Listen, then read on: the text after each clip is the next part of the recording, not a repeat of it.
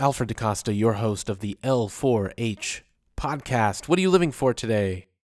Today's show is a syndication of a series I'm doing with a class of nine students in a Bible class here at Midland Adventist Academy.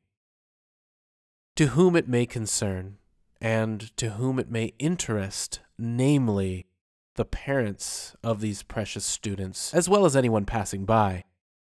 This show is just to share the experiences that we have in classroom, perhaps at times playing some clips of what we do together in class, discuss some of the topics that we cover, and then finally also to be able to play some of their own responses to the material that we cover here. So, without further ado, stay tuned.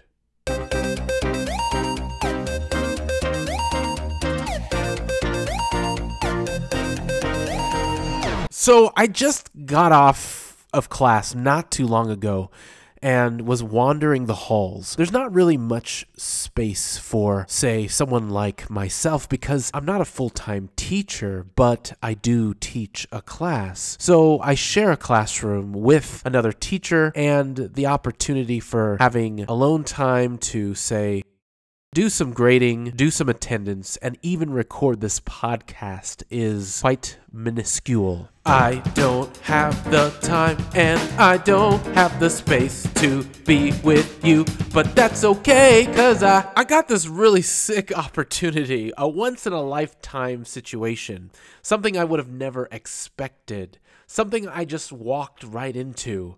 And that's what I want to share with you coming up next.